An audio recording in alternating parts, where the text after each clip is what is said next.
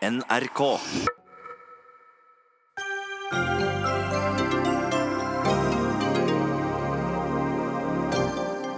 «58 drept og 515 såret. Det er de foreløpige tallene etter den verste massakren i moderne amerikansk historie i Las Vegas. Ren ondskap, sier president Trump.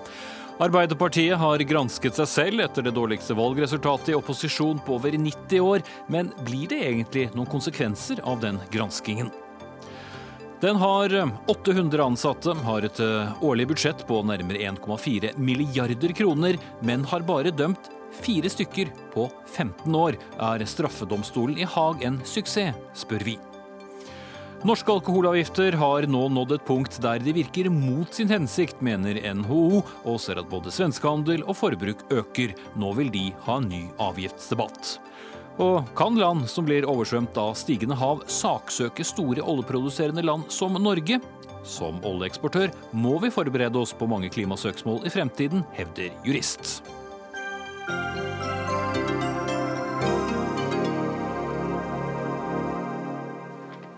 Velkommen til um, Dagsnytt 18 med Espen Aas. Uh, massakren i Las Vegas er altså den blodigste i moderne amerikansk historie. Så langt er altså tallene 58 drept og 515 skadet. Musikere og tilhørere flyktet i panikk da en mann åpnet ild under en utendørskonsert med en av USAs mest kjente countryartister, Jason Aldean, søndag kveld amerikansk tid. Mannen er av politiet identifisert som den 64 år gammel Steven Steven Craig Paddock, en hvit mann fra Las Vegas-området, og han befant seg i 32. etasje på et eh, hotell i nærheten da han avfyrte flere hundre skudd mot de som befant seg på bakken. En drøy time etter at skytingen stanset, ble han funnet død av politiet på hotellrommet. Hadde tilsynelatende tatt sitt eget liv, og det ble funnet rundt ti våpen på rommet. Gjerningsmannen blir eh, beskrevet som en ensom ulv, og motivet er eh, således eh, ukjent. Og Joar Hoel Larsen, tidligere USA-korrespondent og ellers utenriksmedarbeider her i NRK.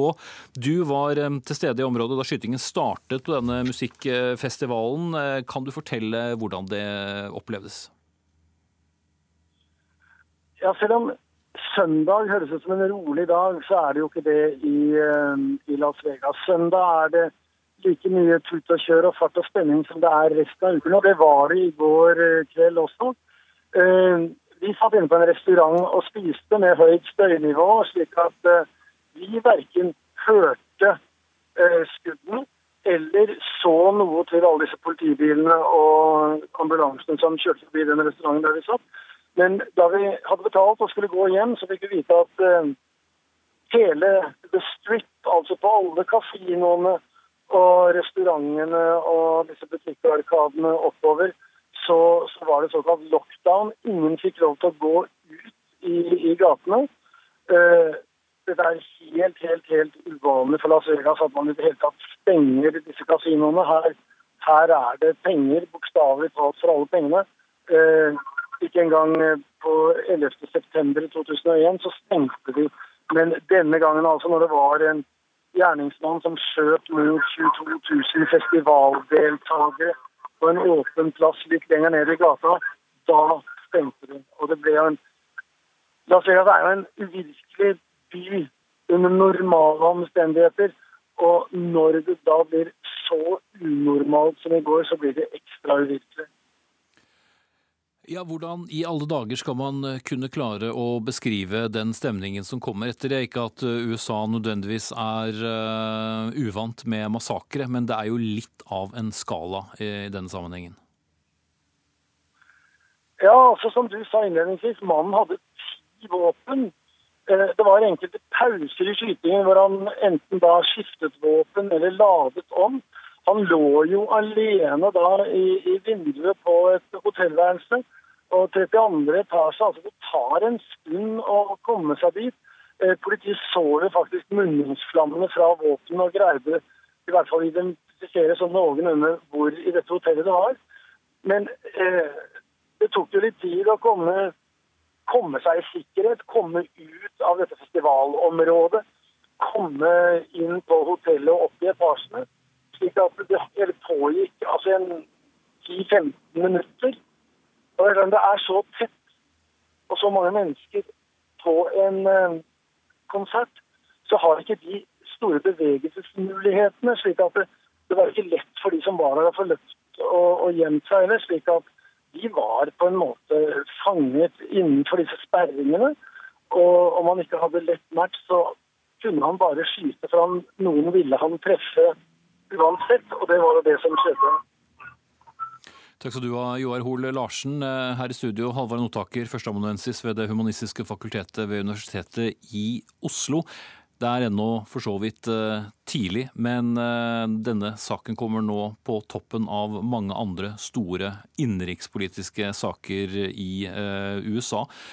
Hvordan kommer dette nå til å påvirke politikken og kanskje også presidenten? Det kommer jo an på hva vi får vite om det vi så vidt jeg forstår, ikke vet noen ting nesten om, bortsett fra sånn helt personlig hvor han kommer fra og sånt, han som antagelig har gjort dette. Så det er med forbehold om at vi, vi, vet jo ikke hva vi eventuelt får vite. Men uh, det er jo som regel sånn at etter disse uh, tingene, når de skjer, så, så tar jo de plass i en eller annen debatt som finnes i samfunnet. Og, og da kan jo det være terror, eh, noen ganger, eh, og da gjerne utenlandsk eh, terror eller den høyreekstreme innenriksterroren som også er godt representert i USA. Da er det lettere å forstå hvor, hvor, den politiske behandlingen går. Noen ganger er det snakk om psykiatri, og hva man kan gjøre for å fange opp mennesker som helt tydelig er på ville veier, og som, som har voldsfantasier osv. Og så blir det jo ofte snakk om våpen og våpenlovgivningen i USA. Nå vet vi jo ikke noe om disse våpnene annet enn at de var mange og store. Og det er jo ikke sikkert at det var lovlige våpen uh, i første omgang. Og da, da vet vi jo ikke om, om, om, det blir en våpenlovgivningsdebatt, men det er i hvert fall en, en mulighet. Men eh, for å si det sånn, debatt om våpenlovgivning det har vi hatt noen ganger. Og det pleier som regel å ende med det samme hver eneste gang. Ja, og Særlig etter desember 2012, da 20 skolebarn, 6 og 7 år gamle, ble drept i Connecticut, i eh, Sandy Hook. Så, øh, Barneskolen het Sandy Hook, Newtown. Da var det mange som trodde at nå, nå, kommer det faktisk til å skje noe, for dette er så vanvittig. Og Da var det lovforslag som Obama stilte seg bak, og som var på vei gjennom i Kongressen, men som falt sammen. For det ble for vanskelig å få det gjennom i en del av de statene hvor øh, våpenkulturen er sterk, og hvor, hvor våpenlobbyen eh, er sterk. Så eh, det strandet da, og det er vel ingen grunn til å tro at vilkårene ligger bedre til rette nå eh, for å endre på lovene, om det, er det, man, om det er det en del finner ut at skal til. Så nå er det en republikansk president som har profilert seg som våpentilhenger, og det er republikansk flertall i begge kamre i Kongressen. Så noen endring i våpenlovgivningen på kort sikt, det, det tror jeg vi kan utelukke helt. Som de pleier å si, det er ikke våpen som dreper eh, folk, det er folk. Ja, det er jo det som ofte er slagordet fra de som eh, er mot en strengere regulering. Og jeg tror vi får, vi får se de samme vanlige argumentene uh, her også. Fordi det er ikke noe rundt som endrer seg. Og selv så store hendelser de kan slå ting litt av sporet en stund, men så er man tilbake i det samfunnet man, man tilhører. Nå har jo politiet foreløpig får vi si, eh, poengtert at så vidt de vet, så har han ikke eh, noen eh, tilknytning til noen internasjonal terrororganisasjon. Det har for så vidt vært sagt i andre sammenhenger også, så vi må som du sa i sted ta noen eh, forbehold. Men USA har jo vært igjennom eh, noen eh, ganske tøffe uker nå med, med uvær, med, med, orkan, og en president som har tvitret om utenrikspolitikk både sent og tidlig. Men denne hendelsen vil vel trolig legge en hånd over mye av den innenrikspolitiske debatten en god stund fremover? Det er klart, I dag er det jo bare dette uh, alt handler om. Og det er jo likevel et problem da, at presidenten, når han har behov for da, å opptre samlende og, og, gi en slags trøst til nasjonen, og, og, på en måte være en som kan nærmest holde en andakt og, og få folk til å uh, se en eller annen slags lysning et sted, så, så er nok det lettere fra en posisjon hvor man ikke står midt i så mange splittende saker som en så aktiv deltaker i splittelsen selv, som, som, han er i spørsmålet om disse eh, fotballspillerne, om de skal stå eller om de kan sette et kne i bakken under nasjonalsangen, og den krangelen han er inni med ordføreren for den største byen eh, på Puerto Rico, og mange andre saker som folk kjenner til. Så han, han, er jo en mann man knytter til splittelse, og da blir det krevende å stille seg opp og være eh, å være et sånn samlingspunkt, selv om det er det han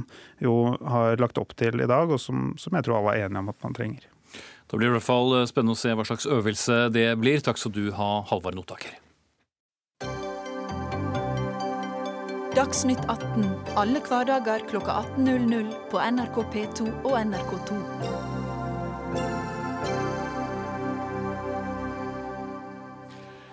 Norske myndigheter burde reagere kraftigere på voldsbruken i Catalonia. Det mener SV. Etter at regjeringen i Madrid erklærte Catalonias folkeavstemning for grunnlovsstridig, stengte spansk politi søndag ettermiddag flere titalls valglokaler. Myndighetene i Catalonia hevder at over 800 personer skal ha blitt skadet i voldelig sammenstøt med politiet. Nødetatene bekrefter at minst 92 er såret. Utenriksdepartementet her hjemme gikk ut i går og sa sitat, fra norsk side er vi bekymret for voldsbruken vi har sett i dag, og for en ytterligere eskalering av situasjonen.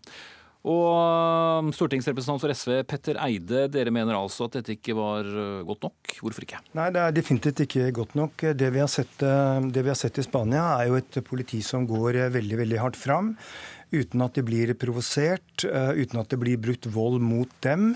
Og uten at de har at det åpenbart et behov for å beskytte andre, så har de brukt det man på fagspråket kaller for uproporsjonal eh, maktbruk. Og uproporsjonal maktbruk eh, av vold, altså de har slått med køller, de har dratt folk etter håret osv. for å hindre dem i å stemme. Dette er politivold, og kan vi karakterisere som menneskerettighetsbrudd. Og når, det, når, vi observerer, selvfølgelig med forbehold om at dette må etterforskes ordentlig, men når vi observerer at det er begått menneskerettighetsbrudd i et annet land, da har eh, alle land som er en del av de internasjonale menneskerettighetene, de har både en rett og en plikt til å si fra at dette er galt, og at de må gjøre noe med det. Kristian Tybring-Edde fra Fremskrittspartiet, også stortingsrepresentant. Var dette godt nok? Ja, jeg syns det er en uting at uh, Norge og norske politikere skal blande seg inn i andre lands uh, indre anliggender. Og, og, jeg må jo si at Petter Eide snakker som en talsmann for ulike organisasjoner som han har vært talsmann for tidligere. Nå er han altså stortingsrepresentant og må se til et større bilde. Og det er klart at For spanske myndigheter at denne folkeavstemningen blir avholdt, vil ha store konsekvenser. Ikke bare for Catalonia og katalonerne, men for andre områder i, i Spania. Baskeland og andre steder, og ikke minst fra Europa. Eh, så kan du si sånn at Politiet brukte for mye vold i forhold til det de ønsket å hindre. Det kan godt hende. Eh, men man må se dette i større perspektiv, og ikke se det isolert sett som et folkerettsbrudd eller brudd på menneskerettighetene. Politikk er langt mer vanskeligere enn det. Jo, men eh, helt, helt, uavhengig om dette en, var en lovlig folkeavstemning eller ikke, så har ikke politiet lov til å ty til ulovlige metoder. Når staten, altså politiet, altså statens håndlangere, som er politiet, når de eh, er, opptrer ulovlig, så kalles det eh, internasjonalt og juridisk for brudd på menneskerettighetene. Skal systemet med menneskerettigheter ivaretas, så må land som er eh, knyttet til samme, samme, de samme konvensjonene, de er nødt til å si fra til hverandre når det er galt. Derfor så har både FN og Europarådet og andre laget en masse mekanismer for overvåking av menneskerettighetene. Og det, er, og det kommer også også i etterkant av dette til å være en rekke internasjonale aktører, både i FN og Europaråd-regi, til å be Spania både om å etterforske dette om å, og, og, forhindre at dette skjer igjen. FNs høykommissær for menneskerettighetene har allerede nå vært ute og bedt Spania om å etterforske hva som har skjedd, det han definerer som voldsbruk. Og det er klart Når FNs høykommissær sier dette, så er det fordi han mener at noe ulovlig har skjedd, og at noen skal stilles til ansvar. Men det var jo ikke akkurat noen lang kø av andre vesteuropeiske land som heller eh, ønsket å, å si fra i går? Nei, og jeg ønsker at land er mer aktive i dette. Helt motsatt av Christian Tybring-Gjedde, så mener jeg at vi skal blande oss inn i andre lands menneskerettighetsbrudd. Det er jo hele poenget med menneskerettighetene. Altså, mennesker, Bare for å gjøre det veldig klart for alle som hører på. Menneskerettigheter er altså den forpliktelse som en stat har til hvordan de skal behandle sine innbyggere. Og den har de forankret i et, et internasjonalt sett av konvensjoner. Eh, skal det systemet fungere, så eh, må land si fra til hverandre at menneskerettigheter brytes. Vi må lage overvåkningsmekanismer, og vi må også, til, også ha sanksjoner når menneskerettigheter mm, brytes. Og vi, vi fra SV sin side, og som Kristian sier, de organisasjoner som jeg har jobbet i tidligere, skulle ønske oss et langt mer aktivt internasjonalt samfunn her. Vi har jo ønsket oss at Norge mye, har vært mye tydeligere mot menneskerettighetsbrudd i Kina, Tyrkia, Russland osv. Ja, også her. Holder oss da til denne eh, enkelte saken i, i Spania. Sånn, Tybring-Gjedde, lar vi politiet få holde på som de vil? Nei, overhodet ikke. Men jeg mener at um, vi har internasjonale organisasjoner som tar seg av dette. Og vi har ikke det som, som, som, nasjon. Så skal ikke vi blande oss inn i ulike demokratiske land og hvordan de styrer sine, eh, sine indre anliggender. Og Petter Eide har ingen idé om bakgrunnen for dette, hva som skjedde, hvordan det skjedde. Og det brevet som bl.a. Eh, du eller var Lysbakken som sendte, som blandet seg inn lenge før disse konfrontasjonene kom. Og da var det fordi man ønsket at denne folkeavstemningen skulle finne sted. Og det er klart at eh, fem millioner mennesker mennesker. Skulle man finne på at Catalonia skulle bryte ut og danne sitt eget land, så ville det skape helt uoversiktlige konsekvenser. Og det er klart at det, politivold isolert sett er ikke noe man ønsker. Men så ønsket man å stanse dette, og det ble konsekvensen av det. Man må se dette i et mye mye større perspektiv. og det er, ikke slik, nei, det er ikke slik at hvert land skal blande seg inn i alle andre land. Det er sånn som du kan gjøre som organisasjonsmann når du nei, har det. Nei, Men når, skal, du er, når, du er, når, du er, ansvarlig for, et, for en nasjon, og du er et utenriksdepartement, så må du se dette i et mye bredere perspektiv. Nei, og der er jeg, og jeg veldig uenig veldig uenig. Ja, men Nå har du snakket lenge. Ja. Men eh, kom tilbake én ting. Vi og SV vedtok ja. veivalgsmeldingen i Stortinget. Ja. Du også. Ikke du, det var ikke du på Stortinget. Og i den så sier de at man skal ha Norges interesse først. Det står tre ganger i veivalgsmeldingen, også i innstillingen. Det å blande seg inn i spanske indre anlegger er ikke å sette norske interesser først, men det er å sette dine interesser og Nei. internasjonale interesser og FNs interesser, interesse først, eller Europarådet, eller hva ja, du skulle si foran deg. For det første så trenger du et litt grunnkurs i hva menneskerettigheter egentlig er. Nei, menneskerettigheter er et sett av internasjonale avtaler. Men det er ikke noe skal, du skal blande deg borti, det er noe jo, som internasjonale skal blande seg borti. Men, men, hvor går grensen da, Eide, på når vi skal blande oss inn og ikke I prinsippet skal vi blande oss inn alltid når et annet land bryter menneskerettighetene. Da skal vi si fra på, på, en, på, en, på, en, ordentlig måte. Men det er jo laget systemer for dette, mm. både gjennom FN og Europarådet. Men det er altså helt åpent for hvert enkelt land også til å si fra når menneskerettigheter brytes. La meg ta et annet eksempel. Hvis Må slippe hadde... til, Tybing, ja. for tiden går her. Men også, eh, for å stille spørsmål til deg, Kristian Tybing-Gjedde. Hva ville de negative konsekvensene vært hvis vi tidlig, og kanskje som det første eh, vesteuropeiske landet, ville eh, påpekt og kritisert eh, voldsbruken i går? Vi er helt avhengig av å ha et godt forhold til Europa, helt avhengig av et godt forhold til Spania, helt avhengig av et godt forhold til våre naboland. Og hvis vi skal spille en slags moralpoliti for verdens stater rundt omkring, så vi, misforstår vi hva rollen er som en nasjonalstat. Vi er ikke en interesseorganisasjon, vi er en nasjonalstat. Vi har bredere interesser. Spania har store interesser med Catalonia som ikke vi har noen slags kunnskap om og ingen måte skal, skal, dømme Spania for. Og selv om politiet kanskje brukte for mye makt, det har jeg faktisk ikke, måten kan jeg ikke dømme, men de hadde behov for å stoppe denne folkeavstemningen og gjøre den ugyldig, slik at ikke Catalonia senere tid kan si at vi ønsker å danne en uavhengig stat av Spania. Det har langt større konsekvenser. Og det er, ikke slik at politikere Det er jo ikke det vi, vi diskuterer jo ikke et fritt, bo, jo, for du er som politiker, nå. Men Petter Eide, som politiker så må jo, men, du se ting i et bredere perspektiv. Men vær så snill, ikke, ikke, ikke, ikke belær meg dette, Kristian Tybring-Gjedde. Jeg, jeg, jeg, jo, da, og det tror, jeg, det tror jeg fortsatt at du trenger. Ja, Du trenger fordi, altså kurs å være stortingsrepresentant. Fordi at vi, dette, dette handler jo om, handler jo ikke om, eh, om et fritt Catalonia eller ikke. Det tar ikke jeg stilling til her. Um, men befolkningen i Catalonia har rett på ytringsfrihet, de har rett på pårytningsfrihet, de har rett til en forsamlingsfrihet. Disse rettighetene er beskyttet både av spansk lov og også av de, internasjonale forpliktelser som Spania har, har, ratifisert, både gjennom FN og gjennom, og gjennom Den europeiske menneskerettighetskonvensjonen. Skal dette internasjonale systemet av rettigheter fungere, så er vi helt avhengig av at andre land intervenerer når menneskerettigheter brytes. Det kan man gjøre direkte, eller man kan gjøre det via FN og Europarådet. Mm. Og, og du mener fortsatt det, det, det ville vært riktig å gjøre i, dag, i, i går? Norge, det eneste Norge har gjort her, det er å komme med en bekymringsmelding. Det er veldig veldig svakt. Norge kunne i hvert fall sagt at dette er en, dette er en mistanke om alvorlig menneskerettighetsbrudd. Det bør, det bør, etterforskes, og de ansvarlige bestilles uh, til ansvar. Det, det, kort til slutt. Ja, og Det sier du at FN skal gjøre, og det er helt enig. Hvis det er tilfellet, så skal FN gjøre det. Og det er klart at Menneskerettighetsbrudd skjer over hele verden hver eneste dag. Og Hvis du Petter Eide, som stortingsrepresentant på vegne av SV skal drive og blande deg inn i absolutt alle konflikter og reagere på ethvert menneskerettighetsbrudd Det finnes menneskerettighetsbrudd i Norge Norge også. Jeg har ikke sett at du, ja, og du har ikke sett at du bryr deg om det når du sitter på Stortinget. Nei, og det nei. finnes i Sverige, og det finnes i Danmark. Stortinget. Nei, ikke sant?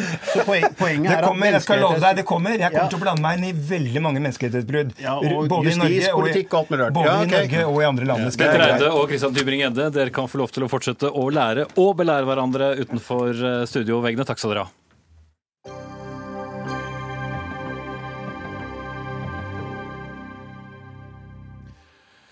I dag har eh, Arbeiderpartiets sentralstyre behandlet en fersk rapport fra eget parti om hva som gikk galt i den etter hvert så mye omtalte valgkampen. Over 9000 partimedlemmer har sendt inn sine meninger om hva som gikk galt, og det er også blitt utført en spørreundersøkelse blant såkalt vanlige velgere og lokallag, hvor de har kommet med sine innspill. Og Kjersti Stenseng, stadig partisekretær i eh, Arbeiderpartiet, nå har dere behandlet rapporten i sentralstyret, og hva har dere kommet frem til? Nei, Det vi har gjort, er jo å gått gjennom de eh, konklusjonene eh, fra innspillene til 9500 medlemmer og nesten 70 kommune eh, kommuneparti og fylkesparti, og ettervalgsundersøkelsen. Og Det er jo ikke så mange overraskelser der. Veldig mye av det som blir trukket fram som hovedårsaker, er jo det som har vært diskutert både i landsstyret vårt, i sentralstyret dagen etter valget, og det som har prega mediedebatten rundt eh, valgresultatet. Så det vi har gjort, er jo først og fremst hva er det vi tar med oss av både kunnskap, nyttig kunnskap, eh, erfaringer, lærdom når vi nå skal begynne å jobbe med eh, veien videre fram mot et lokalvalg i, i 19. Så eh, for å si det på en annen måte, dere tar kritikken til etterretning, eh, som Gjerne sier. Eh, Det blir ikke noen klare konsekvenser for noen eller noe. Partileder fortsetter jo som før, som vi vet, og også de som var ansvarlig for valgkampen, fortsetter i sine jobber. Ja, først og fremst så tar vi med oss altså Konsekvensen det får er jo det organisatoriske og det politiske arbeidet framover. Nå starter vi jo ganske umiddelbart, nå i oktober, med et For det tilbakemeldingene er jo Forsto partiet tidlig nok det som var stemningen og det som rørte seg til saker ute? Altså Distriktspolitikken er jo en av de sakene som blir fremheva. Eh, forsvarssaken i nord, hvor vanskelig den ble. Forsto oss egentlig det? Var det godt nok samarbeid mellom partiet sentralt og partiorganisasjonen ute? Det startet oss med allerede i oktober. Eh, Gå grundig inn i kommunepartiene, ordførere, lokale kandidater inn mot eh, neste nominasjonsrunde, for å se hvordan gjør oss det bedre. Hvordan er oss bedre lytteposter? Hvordan i en valgkamp skjønne oss bedre? Kan det saker er det som preger dagsorden, setter stemningen? At vi er på dem, at vi er tydelige på det. Så, så, så, så det vil få konsekvenser for måten vi jobber på. Men eh, det kan tilsynelatende høres ut som det ligger en del eh, etterpåklokskap eh, aller mest her, hvor man oppsummerer, og så velger man kanskje annerledes når vi kommer til kommune- og fylkestingsvalget om litt under to år.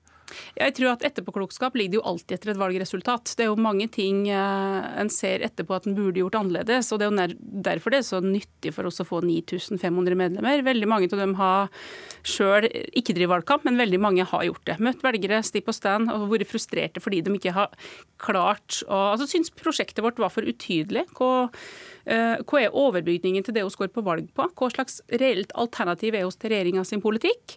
Eh, Det er en ganske tydelig tilbakemelding. At ja, det var mange gode enkeltsaker, men vi klarte ikke helt å, å få det fram i et tydelig politisk prosjekt. Og det er en erkjennelse som oss må ta på høyeste alvor.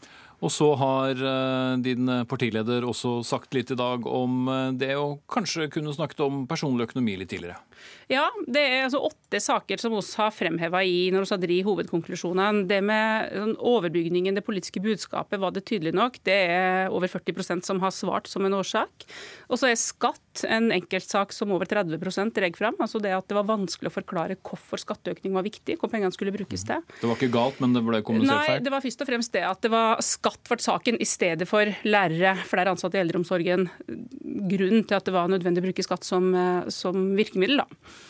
Eh, Og så er det seks andre saker der ca. 10% av dem som har svart, svarer på uh, tilbakemelding om at det var medvirkende. 10 svarer at uh, eh, fokuset på Støres privatøkonomi, de sakene, eh, skapte støy, var negative, eh, tok fokus vekk fra det å skulle eh, bruke valgkampen på. Skal straks slippe deg ut. Det er mange som vil eh, snakke med deg i dag, Kjersti Stenseng. Men eh, bare for å oppsummere. Konsekvensen er at dere endrer politikk fremover, men det blir ikke noen personlige konsekvenser. altså Det er ingen i partiapparatet som eh, det vil få konsekvenser for. Nei, Nå er jo denne her rimelig fersk, den er varm enda. Den var trygt rett til sentralstyret. Så det vi har gjort nå, er jo først og fremst å se kan det funn er det, hva tilbakemeldinger har vi fått. Og så skal vi nå allerede i morgen starte arbeidet både med det organisatoriske og det politiske fremover. Takk skal du ha, partisekretær Kjersti Tenseng i Arbeiderpartiet. Og inn i studio, Magnus Takvam, stadig vår politiske kommentator. Du var til stede på pressekonferansen. Har de noen plan, egentlig, utover det som Stenseng sa her? Altså, det interessante med denne evalueringen er jo at den konkluderer med at eh, det er ikke politikken til Arbeiderpartiet som er problemet, men eh, formidlingen og evnen til å få fram det, det dere snakket om, liksom budskapet i, i valgkampen.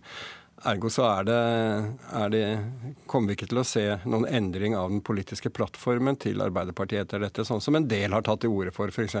se på Corbyn og, og liksom at en del på venstresiden i Arbeiderpartiet gjerne vil ha eh, et tydeligere eh, venstreorientert prosjekt, f.eks. Det, det er ikke konklusjonen her. Burde de endret eh, klarere kurs eller tatt et større oppgjør med seg selv? Blant annet, Vi har jo hørt en del eh, kritikk fra norsk fagbevegelse. Riktignok eh, mange som står til venstre for Arbeiderpartiet. Men mange følte at de fikk veldig dårlig valuta for pengene sine som ble brukt til valgkampen, når alt som skjedde var at partiet sank. Altså, to ting. Eh, hovedkonklusjonen fra denne evalueringen er at Arbeiderpartiet ikke klarte å få fram eh, et alternativ som var tydelig nok i forskjell, i kontrast til den sittende Høyre-Frp-regjeringen. Og hvorfor klarte de ikke det? Eh, jeg tror de da har gjort en altfor dårlig analyse på forhånd av hvordan folk oppfattet Høyre-Frp-regjeringen. Husk på at der, eh, altså Når de snakker om forskjeller, så er det liksom på økonomisk politikk, det er på velferdsområder. De har hatt en Bent Høie som helseminister, Torbjørn Røe Isaksen som utdanningsminister, Anniken Hauglie som arbeidsminister, byttet ut med Robert Eriksson. Altså motstandere på kjerneområder som eh, ingen oppfatter som veldig skal vi si, rabiate, ultrakonservative liberalister. Er, så, så dette mener jeg der har de gjort en for dårlig jobb på forhånd, når de ikke så hvilken motstander de hadde. Vi skal ta med oss eh, Tone Sofie Aglen, du er politisk redaktør i Adresseavisen fortsatt, og med oss fra eh, Trondheim. Hva mener du Arbeiderpartiet burde gjøre nå? Nei, Jeg tror nok at uh, Arbeiderpartiet må i hvert fall behandle dette her veldig grundig. Og så er det litt sånn hell i uhell for Arbeiderpartiet med at den lista over uh, det som har gått galt, den er så lang og den er så sprikende, så det blir veldig vanskelig å peke på enkelte feilgrep. Og jeg tror nok partiet kommer til å dyrke det her med lærdom og kollektiv skyld, for jeg tror partiet er i en situasjon hvor de verken ønsker personkonflikt eller har noen sånn klare arvtakere. Men det jeg nok tror blir en diskusjon i partiet, det vil nok handle litt om hva slags rådgiverapparat man har. Om man har fått de riktige rådene. Jeg tror det er en del som har, man har sett i denne valgkampen at man har gjort noen underlige grep, f.eks. knytta til det å kalle pressen inn på teppet, bruke advokat det å få en skatteekspert til å trekke uttalelser, så i den grad det blir konsekvenser, så tror jeg nok det blir knytta opp mot hvordan man jobber med media og det her rådgiverapparatet rundt partiledelsen, som har fått mye kritikk, og som mange mener har vært for svakt, og også har blitt en litt sånn propp mellom partiapparatet og lokallagene og medlemmene der ute. Med unntak av katastrofevalget i 2001, så er det jo ikke noe levende menneske som kan huske noe dårligere valg for eh, Arbeiderpartiet. Det er vel også grunn til å tro, som jeg spurte Magnus om eh, i sted, at grasrota i partiet også vil ha en viss forventning om at eh, noe blir gjort, og hva vet jeg, kanskje også at det får konsekvenser for noen? Eh, ja, jeg tror mange vil ha en forventning om det, men jeg, tror i hvert fall partiledelsen vil nok sitte veldig trygt. Fordi, som jeg sa, så er det ingen åpenbar avtaker, og så vet vi at den som veldig mange snakker om nå, Trond Giske, han må ligge lavt. For uansett hvor fredelige hensikter han har, så vil noen mistanke, mistenke at han har et eller annet spill eller et kuppforsøk på gang. Og det vil bare slå tilbake på han selv. Så jeg tror nok at partiledelsen vil veldig dyrke det at her har alle ansvar, vi må lære og vi må se videre. Samtidig så er det jo litt sånn påfallende hvor lite vilje det er til å se på politikken. For det er vel kanskje det at man ikke har hatt et politisk prosjekt å selge ut, og heller ikke et regjeringsalternativ som har vært klart, som kanskje er hovedproblemet. Og jeg merka meg i dag at Støre snakka om at det var SV som var eh, det partiet de ville samarbeide med, SV og Senterpartiet. Men for alle oss som var på Arbeiderpartiets landsmøte og hørte Støres tale, så nevnte han jo ikke SV med et ord. Da var det sentrum han snakka om. Tone Sofie Aglen eh, fra Adresseavisen og vår egen Magnus Akvam, takk skal dere ha. Det blir nok eh, nye runder på Arbeiderpartiet etter hvert.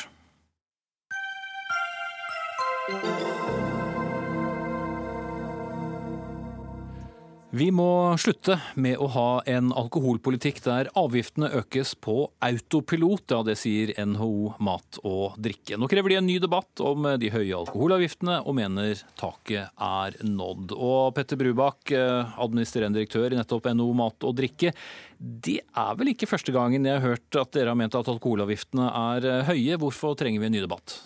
Nei, For det første er jo alkoholavgiften i Norge blant de høyeste i verden, så det er, det er en kjensgjerning. Eh, det andre er jo at eh, de norske særavgiftene generelt også er høye, slik at eh, den problemstillingen vi i bunn og grunn tar opp, dreier seg ikke bare om alkohol, men det dreier seg om særavgiftene på mange norske produkter. Men hvis vi holder oss til alkohol, så er vår hovedbekymring nå at salget flyttes fra de kanalene vi har i Norge, fra Vinmonopolet og norske butikker, over til enten land hvor avgiftene er lavere, eller til eh, områder hvor det ikke er avgifter i det hele tatt, altså avgiftsfri handel, eller enda verre skjer i form av ren kriminalitet, eh, som er smugling. Eh, og Vi vet jo bl.a. at ølbeslagene har økt eh, veldig de siste årene. slik at det er jo all grunn til å tro at her er det et eh, omfang som burde bekymre flere enn en mat og drikke. Men hva er ditt ideelle regnestykke da, som skulle klart å snu dette? Særavgiftene er ganske komplekse, og det er flere avgifter. Så vår hovedanbefaling er jo at vi bør eh, ta en helhetlig gjennomgang av hele avgiftspolitikken for å se om avgiftene fyller de formålene de opprinnelig var ment å ha, om de er treffsikre i forhold til de virkningene de var ment å ha, og om sammensetningen av dem er fornuftig. Men før vi kommer så langt, og det er en kompleks jobb, det innrømmer vi gjerne, så er det første vi burde gjøre å stoppe den årlige avgiftsøkningen i Norge, som bare forsterker disse problemene. Vi har allerede verdens høyeste avgifter. Vi ser at andre land går i en annen retning. Og vi har urovekkende tall som viser at pilene går i gal retning når vi ser hvor nordmenn kjøper sin alkohol. Dette svekker både de kontrollerte formene vi ønsker å ha alkohol omsetningen gjennom. Det svekker norske avgiftsinntekter, det svekker norske arbeidsplasser. Så Alt i alt mener vi at tiden er inne til å ta en pause og se om politikken fungerer godt nok. Og En okay. første start er da stopp de årlige avgiftsøkningene. Olaug Bollestad, stortingsrepresentant og stadig nestleder i KrF. Hvis vi drikker mer enn før, slik Brubakk eh, sier, da virker vel kanskje ikke disse avgiftene så bra? da? Hvis jeg kun skal ha NHO sitt utgangspunkt i norsk alkoholpolitikk, som tenker salg, avgift, nei, salg, arbeidsplasser osv., så, videre, så kan jeg på en måte forstå NHO. Men vi velger å ha et annet utgangspunkt for dette. Og Det er jo hva slags samfunnsmessige kostnader har et høyt alkoholforbruk. Hva slags sykefravær gjør dette? Hva slags fravær i arbeidslivet gjør dette? Hva koster det helsevesenet? Hva koster det den enkelte unge som opplever dette? Hva andre kostnader er det i dette? Og da eh, har politikken i Norge vært at avgiftene skal være med og speile de andre utgiftene som faktisk òg er, og som ikke NHO tar med i sitt regnskap. Eh, og så kan jeg være med og si at eh, jeg er enig med NHO at det er kommet en vi selger andre plasser enn på Vinmonopolet, for det har jo på en måte vært lykken for Norge i norsk alkoholpolitikk. Det at vi har hatt et vinmonopol som har gitt kvalitet, og som har gitt en kompetanse inn i salg av alkohol. Nå er vi i ferd med, faktisk fordi en, en så uh, tallene sank i Vinmonopolet når vi økte taxfree-kvoten, vi bytta ut tobakk med, med, vin. Da så vi dette i tallene. Eh, vi har endra noe på å se at vi selger ting sterkere alkohol enn 4,5 ut forbi eh, eh, Vinmonopolet ut forbi butikker. Hva skjer da? Men ifra det til bare å endre avgiftssystemet og lage billigere alkohol, det tror ikke vi er løsningen. Fordi, eh, som Brubakk sier her, det eneste forskjellen er vel egentlig at vi bare jobber mer for å få alkoholen? Da, bærer mer hjem fra flyplassen og reiser lenger for uh, å, å drikke mer? Har han ikke da et poeng med at uh, kanskje man får heller ha den kortreiste, kontrollerte alkoholsalget? Det kan du på en måte si, men samtidig så er det en utfordring for oss at det, det norske folk er ekstremt. og Hadde det vært opp til meg, så kunne vi gjerne ha kutta taxfree-ordningen, men det skaper jo noen andre utfordringer. Si. men, men det er jo en utfordring at, at vi har det store taxfree-salget vi har. Eh, og det har vært et politisk flertall for å gjøre sånn som det ble gjort. Men KrF mener faktisk at dette ønsker vi at Vinmonopolet skal overta. Eh, fordi vi tror at de har en annen kompetanse avgiftene tilfaller den norske stat. Salg og, og, og det som er inntekten på det faller til den norske stat. Som òg har utgifter som denne eh, alkoholutfordringen faktisk gir. Brubakk, da skal du få slippe til igjen. Er du enig i at kanskje taxfree-en har vært med på å rote det til for dere? Det er jo en av de kanalene som vi ser øke. og det er jo nettopp fordi, eh, og Den blir jo mer lønnsom når de norske avgiftene stiger hele tiden. Jeg tror ellers vi er veldig enige med mye av det eh, Bollestad sier i forhold til at vi skal ha avgifter på, på alkohol som dekker de samfunnskostnadene som uh, som det representerer. Vi er enig i at vi skal ha et ansvarlig salg og omsetning under kontrollerte former. Men det er jo et tankekors når Systembolaget i Sverige eh, melder at de selger 475 liter alkohol til innbyggerne i Strømstad, mens det tilsvarende tallet for Halden, altså som er nabokommunen, er knapt 9 liter. Så jeg tror vi må innse at alkoholkonsumet flytter seg fra de kanalene som er norske, som, eller alkoholkjøpet flytter seg fra kanaler som er norske, som gir norske avgiftsinntekter, som bidrar til norske arbeidsplasser, men som også er underlagt norske reguleringer og flytter seg andre steder. Vi får ikke konsumet ned, vi flytter det bare til andre kanaler. og Det mener vi burde være argumentet for at vi setter oss ned og ser i ro og mak på om avgiftspolitikken fungerer slik den er ment å fungere, og om vi bør gjøre det på en annen måte. Vi har allerede de høyeste alkoholavgiftene i verden. Vi har høye særavgifter på andre produkter slik at vi mener at tiden er overmoden for å ta en gjennomgang av dette. Og en veldig god start vil være å slutte å øke avgiftene hvert år, for det bare forsterker den avstanden vi har både til taxfree og til andre land. Og det gjør smuglingen, som burde bekymre alle politikere, mer lukrativ. Og det er en alvorlig utvikling. etter Til slutt, Bollestad, Er du villig til å se, se, på det, eller er det the sky's the limit på, på alkoholavgiftene? Eh, eh, vi er jo egentlig i utgangspunktet ikke for å senke eh, avgiftene, men jeg kan godt sette meg ned og diskutere. Men utgangspunktet vårt er faktisk annerledes. fordi at får vi billigere alkohol, så er det noen i en solidaritet som faktisk får en større utfordring enn det vi har i dag. Og i solidaritet til dem så tenker KrF at vi velger å ta deres posisjon, samfunnskostnadene. Så tenker jeg at det er jo en annen side òg. Du har taxfree, du har svenskehandelen, men du har òg at vi faktisk har åpna noen gardsutsalg som i størrelse eh, mange plasser er av de minste vinmonopolene, som er på utsida av Vinmonopolet. Som har gjort noen endringer i Norge òg, som ikke er til det beste for Vinmonopolet. Og Det kan nok godt norske politikere ta inn over seg, for det òg gjør noe med, med forbruk og tilgjengelighet, tror jeg. Da setter vi strek der. Takk skal du ha, Olaug Bollestad fra Kristelig Folkeparti og mm, Petter Brubakk fra NHO Mat og Drikke. Hør Dagsnytt 18 når du vil. Radio NRK Radio.nrk.no.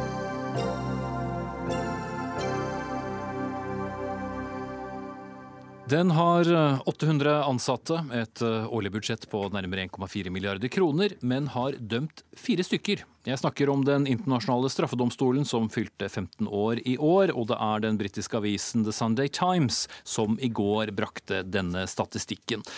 Og stipendiat eh, Sofie Høgstøl ved Norsk senter for menneskerettigheter. Eh, er det et eh, godt resultat, fire dommer på 15 år? Nei, det er det ikke. Jeg tror at Den internasjonale straffedomstolen har fått til mye på en rekke områder.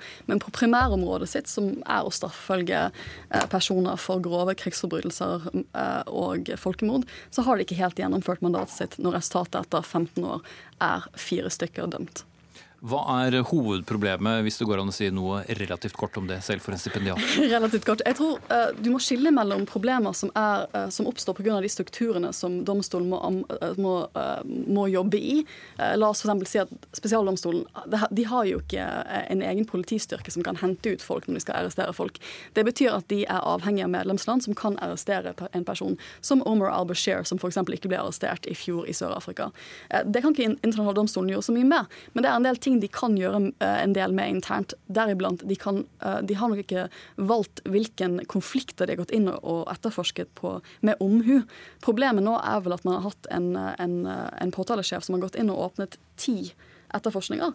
Og så har man jo et budsjett, men eh, selv med 150 millioner euro i året, så er jo det bare 15 millioner euro per konflikt. Og det er ikke så mye penger når man skal prøve å bygge straffesaker som kan, som kan stå seg i retten. Hilde Frafjord Jonsson, du er for tiden generalsekretær i Kristelig Folkeparti, men du var utviklings- og menneskerettighetsminister i Bondevik II-regjeringen da denne domstolen åpnet. Du var med på åpningen. Er det noe som har gjort verden bedre? Jeg skrev faktisk under på papirene i Bondevik I-regjeringen, så jeg har vært med begge runder og var med også fulgte forhandlingene tett den gangen. Eh, det er helt klart at uh, domstolen ikke har innfridd forventningene. Det tror jeg må kunne si. Uh, det er ingen tvil om betydningen av en internasjonal straffedomstol. Fram til da hadde man i de ulike konfliktene måttet opprette spesialdomstoler. Det er også dyrt, det er også tungrodd, og det tar lang tid før man kommer i gang. Så det å ha en straffedomstol som følger en internasjonal konvensjon som så mange medlemsland er part i, er veldig viktig. Så har det gått veldig sakte og det har også oppstått en del legitimitetsproblemer rundt valg av hvilke saker man kjører. Og ett av dem er knyttet til Afrika, der svært mange afrikanske ledere nå opplever subjektivt en sånn følelse av at domstolen mm. primært Afrikadomstolen kaller noen den. Ja, primært har deres saker, og hvor man egentlig ikke har fulgt opp på viktige og tunge andre områder. Det er gode grunner til at man ikke har greid det, men legitimitetsproblemene er der. Og det har også ført til at eh, Den afrikanske union har satt i gang en prosess for en egen Afrikadomstol, som på en måte skal fylle denne funksjonen. Det er ikke så bra, og det har nok litt med måten den første sjefsanklageren opererte på. Vi skal bringe inn en tredjemann her, nemlig deg, Morten Bergsmo, som er gjesteprofessor ved Peking University Law School. Du har jo selv jobbet ved domstolen. Hvordan forklarer du kanskje det noe slunkne resultatet etter 15 år? Ledelsen er eh, for dårlig i aktoratet og i domstolen generelt. Og kvalitetssikringen i arbeidet, særlig i etterforskningsarbeidet, er for svak så er det dessverre for lav kvalitet i deler av staben. Så jeg er enig i de faktorene som de to andre debattantene har nevnt. Men dette er ting som domstolen og som statene kan gjøre noe med. Men så er det jo heller ikke noen særlig internasjonal domstol. Det er veldig mange land som ikke anerkjenner den, og ganske viktige land. Russland, Kina, Israel, eh, USA. USA. Så hva gjør det med det hele? Det betyr at uh, den kanskje blir ganske skjev da, og at det er lett f.eks. Å, å se på, på Afrika. Ja, nei, jeg tror at Problemet til domstolen er at den er medlemskapsbasert. så den, den, Det fordrer jo at folk blir medlem av domstolen. Og det man ser etter 15 år, er at de fleste store, viktige, mektige land, som da også er land som deltar i internasjonale konflikter, og da er sårbare for å begå den type uh, straffbarhet som internasjonal straffedom skal se på, de har ikke blitt medlemmer. Uh, og, og, det gjør det vanskelig for domstolen å velge visse typer konflikter. Um, Nord-Korea er veldig aktuelt akkurat for øyeblikket. Det er en, en etterforskning som jeg tror en internasjonal straffedom gjerne skulle sett på. Problemet der er at eh, Kina ville nedlagt veto dersom Sikkerhetsrådet skulle henvist den saken til ICC. Og Nord-Korea er ikke medlem. Og Da er det vanskelig for domstolen å gå inn, og det er litt av grunnen til at man har sett så mange eh, etterforskninger i Afrika. For de afrikanske landene er i all hovedsak medlemmer av Den internasjonale straffedomstolen. Kunne man trengt Man trenger ikke flere statsparter for å fungere bedre. Men dersom den hadde flere av de faste medlemmene i Sikkerhetsrådet som statspartner, så ville den ha større gjennomslagskraft i samarbeidet med land i, Afrika og noen, andre steder. Men den trenger ikke USA, Kina og Russland som statspartner for å fungere bedre. Eh, men hadde den trengt en god sak, rett og slett, eh, Hilde Frafjord Jonsson, eh, som kunne vist og minnet oss på at, at, den finnes? For med fire saker på 15 år så er det jo lett å glemme. Det er ikke en, det er ikke en domstol som jeg ser omtales veldig ofte i, i norsk presse f.eks. gjennom de siste årene. Nå er nok internasjonal straffeprosesslovgivning og, og rettsprosesser noe som får mye omtale i mediene uansett. Men det som er veldig viktig, det er at domstolen må gjøre ordentlige grep. Nå er det 15 år siden den ble eh, iverksatt eh, og etablert. Eh, og det er en gyllen anledning til å se på reformer i domstolen. Og hvordan man kan få noen eh, raske seire, som det heter, quick wins på engelsk, eh, ville vært en smart strategi. Man har gått etter litt tunge, vanskelige, store saker. Det tar tid, det koster penger, og det er gode grunner til det, for de er veldig grove og alvorlige. Samtidig så, som man fortsetter med det, så hadde det vært kanskje smart eh, å se om man kunne få domfelt noen raskere. Eh, og der er det en del å ta av. Og det er klart, Klarer man det, kan man også bygge legitimitet som kan styrke muligheten for at flere slutter seg til domstolen. Mister den legitimitet ytterligere, så får du et enda større troverdighetsproblem. Russland og USA skrev jo faktisk under på eh, konvensjonen, men de ratifiserte den ikke. Eh, og det er nok et stykke tid til de sto store stormaktene eh, kommer etter. Men jeg tror det ville styrket legitimiteten ganske mye dersom man eh, tok den type grep nå. Ja, jeg tror vi har sett siste året at ICC har prøvd på noen sånne eh, quick wins. Det de har gjort var at de tiltalte en person i Mali som ikke var en spesielt viktig person i konflikten. Han var ganske lavt rangert hvis du tenker på sånn hierarkiet innad i, innad i hans organisasjon. Men han, eh, han, han, de kunne få han inn, for domstolene kunne få han utlevert. Og han sa seg også skyldig. De han erkjente tiltalen mot han, så han kunne de få en rettsprosess mot i løpet av et år. Eh, så det var en quick win. Jeg tror litt Problemet med en sånn tilnærming er at jeg tror mange av medlemslandene, og særlig afrikanske land, forventer nå at domstolen skal ta fatt på de større konfliktene som ikke har kommet inn for Ser, Da ser vi Afghanistan, Syria. Jeg skulle til å si, for Det er jo ikke akkurat mangel på uh, noe som er ja, Konflikter er én ting, men altså nær folkemord. Og hvis disse nå bare skal blåse over, fordi dessverre så er ikke dette konflikter som, mm. som, kan komme opp der. Så stiller man seg vel igjen spørsmålet hva skal du med den da? Det har vært forundersøkelser, da. Både for Irak, eh, for Libya, eh, for Ukraina og Afghanistan som domstolen har begynt å jobbe med. Så her er det faktisk ting å ta tak i.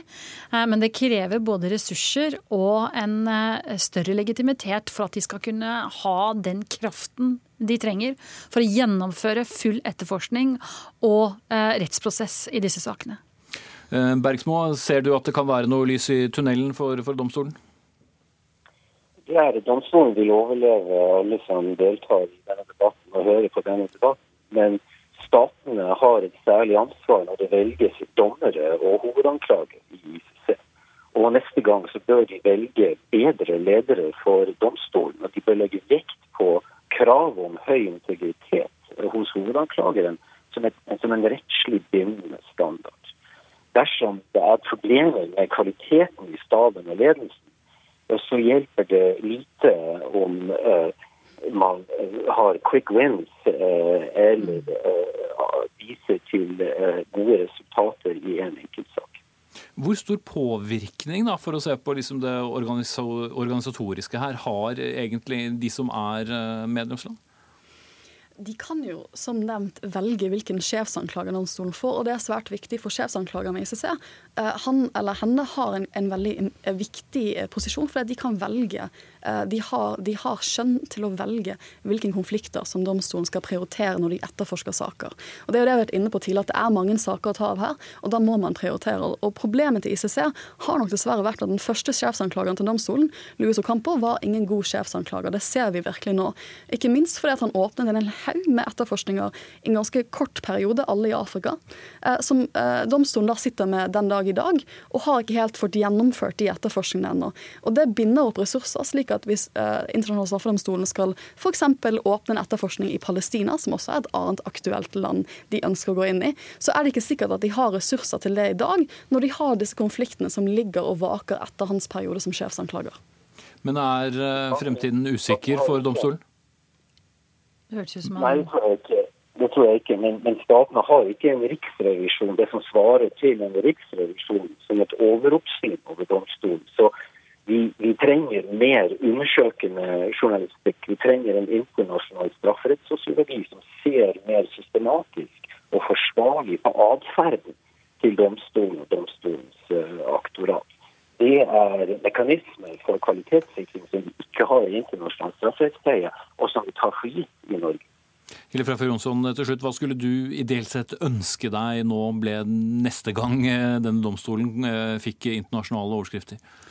Det skulle vært at eh, en av eh, de store fiskerne som de nå har under etterforskning, ble tatt, domfelt raskt, og at en kunne gå videre med saker som ikke var i Afrika. De to tingene hadde hjulpet masse. Og så mener jeg også at en er nødt til å se på ledelse her. Eh, det, var, det mest utfordrende var jo den første lederen. Vi kan ikke som den norske part gå inn og ha inngripen i forhold til saker og prioriteringer, men lederskapet må holdes til stilleste stilles til ansvar. Eh, der har det skjedd en svikt i første runde. Det må ikke skje nå. Da sier vi takk til dere. Eh, Hilde Frafjord Jonsson, tidligere menneskerettsminister, stipendiat Sofie Høgestøl og gjestepressor ved Peking-universitetet, Morten Bergsmo.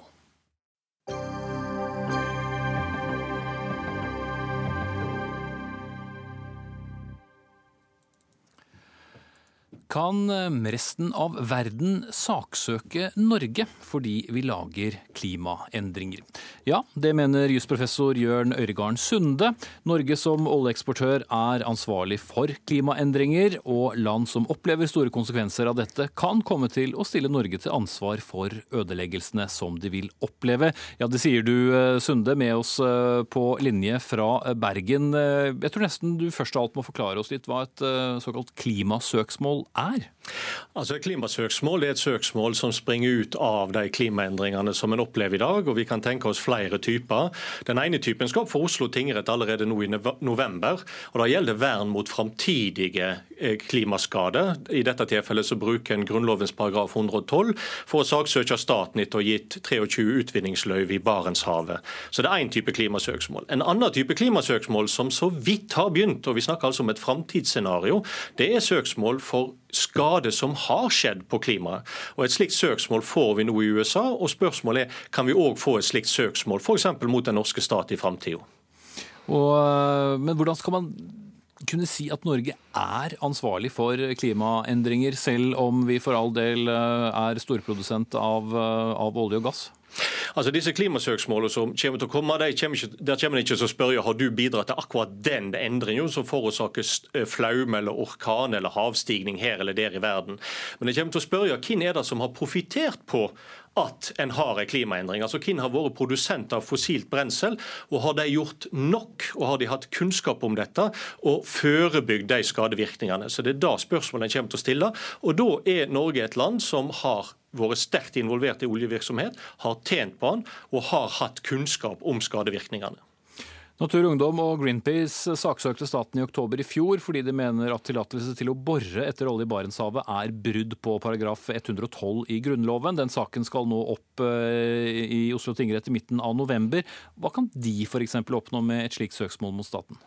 Da De prøver å oppnå to ting. Det ene er å faktisk hindre at disse løyvene som er blitt gitt til petroleumsutvinning i Barentshavet, faktisk blir tatt i bruk. At en kjenner vedtaket av de tildelingene ugyldig. Så Det er jo det ene. For de mener at det da vil bidra til ytterligere klimaendring. Det neste som en ønsker å oppnå, og det er like viktig, mener jeg, det er en større offentlig fokus på dette. Å få alt dette fram i rettssak. Hva vurderinger er det en faktisk har gjort? Og har en tatt nok hensyn til den kunnskapen en per dags dato har om fossilt brensel og klimaendringer? Hans Petter Graver, også jusprofessor ved Universitetet i Oslo. Søksmål fra norske miljøorganisasjoner, kan det føre til noe? Ja, i likhet med min kollega Sunde så tror jeg det. At det i alle fall vil føre til en større offentlig oppmerksomhet, og, og forhåpentligvis føre til at uh, behandlingen av disse spørsmålene i samfunnet blir brakt over i et mer konstruktivt spor. For uh, vi er jo inne i en uh, politisk blindgate for tiden. Hvordan da? Nei, Ved at de politiske myndighetene, verken i, i Norge eller internasjonalt, klarer å, å vedta effektive og forpliktende tiltak Eh, som faktisk bidrar til å redusere utslippene i den grad det er nødvendig for å nå Paris-målene. Hvis vi spoler litt tilbake i, i, samtalen, eh, har du noe tro på at søksmål fra andre land mot den norske stat kunne føre frem? Uh, ja, Her må vi da skille mellom Hvis man tenker på at borgere i andre land reiser sak i Norge for norske domstoler, som skal avgjøres etter norsk rett, så er det selvsagt helt mulig. Eh, men eh, norsk rett i dag vil eh, neppe gi hjemmel for erstatning for følger av lovlige norske myndighetshandlinger, som jo petroleumspolitikken har vært, iallfall helt frem til nå.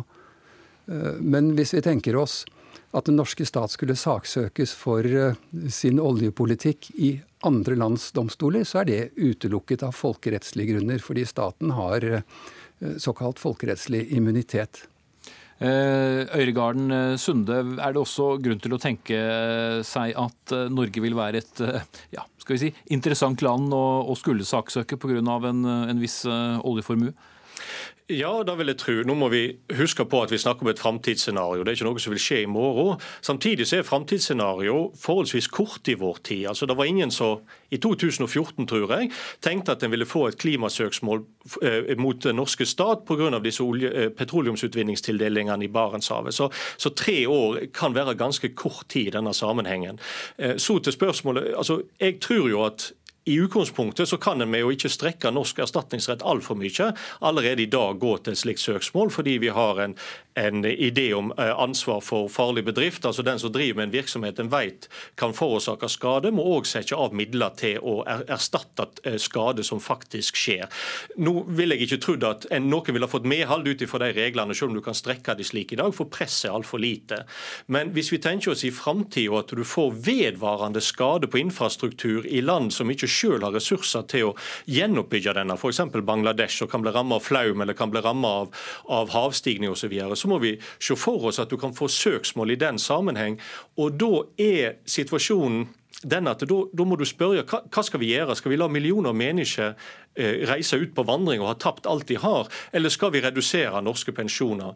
Det er altså ikke et problemstilling i dag, men poenget er at vi må tenke framover og se at den problemstillingen kan komme. Og Da vi ser i USA, der dette skjer mye tidligere enn hos oss, og det er rett og slett fordi erstatningssøksmål er rett og slett en del av amerikansk samfunnsstyring. Eh, men det er jo nettopp det som skjer. Eh, San Francisco og Oakland ser at bydeler vil bli oversvømt hvis havet fortsetter å stige. De trenger ressurser for å bygge diker, og de saksøker oljeselskap for å få de ressursene. Eh, Hans Petter Graver, eh, er det mer sannsynlig kanskje at et selskap som Statoil ville være de første rekke som fikk et søksmål, eller eh, er det mer naturlig å se for seg at det vil være land eller stater som kan få slike søksmål, nettopp fordi vi driver en form for rollepolitikk? Ja, igjen altså, så må vi skille mellom hva det er vi snakker om her. amerikansk erstatningsrett kan ikke sammenlignes med, med norsk eller europeisk erstatningsrett. Men Statoil kan selvsagt eh, også saksøkes i USA. og eh, USA har regler om hvordan de gjør sine rettsregler gjeldende også utenfor sitt territorium. Så det er ikke helt utenkelig. Eh, men den norske stat kan altså ikke saksøkes for amerikanske domstoler. Fordi man kan ikke anlegge en sak mot en stat for myndighetshandlinger i andre lands domstoler.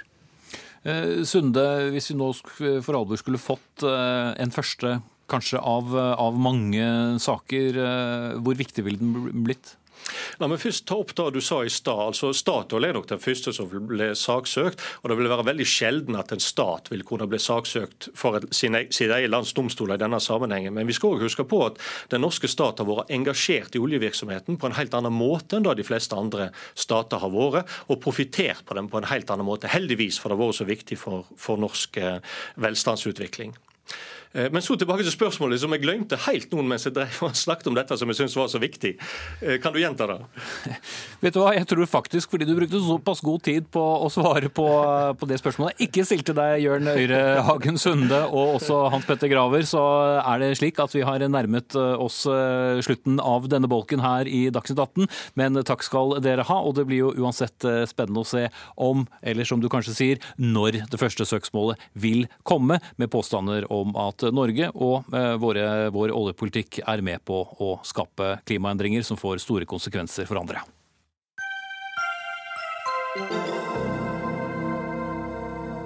Og Før vi eh, runder av eh, denne sendingen, så tar vi med oss at president Donald Trump i kveld har kalt massakren i Las Vegas for en sitat ond handling, og amerikanske etterretningskilder sier det ikke ikke er noe som tyder på at gjerningsmannen var knyttet til noen internasjonal eh, terrorgruppe.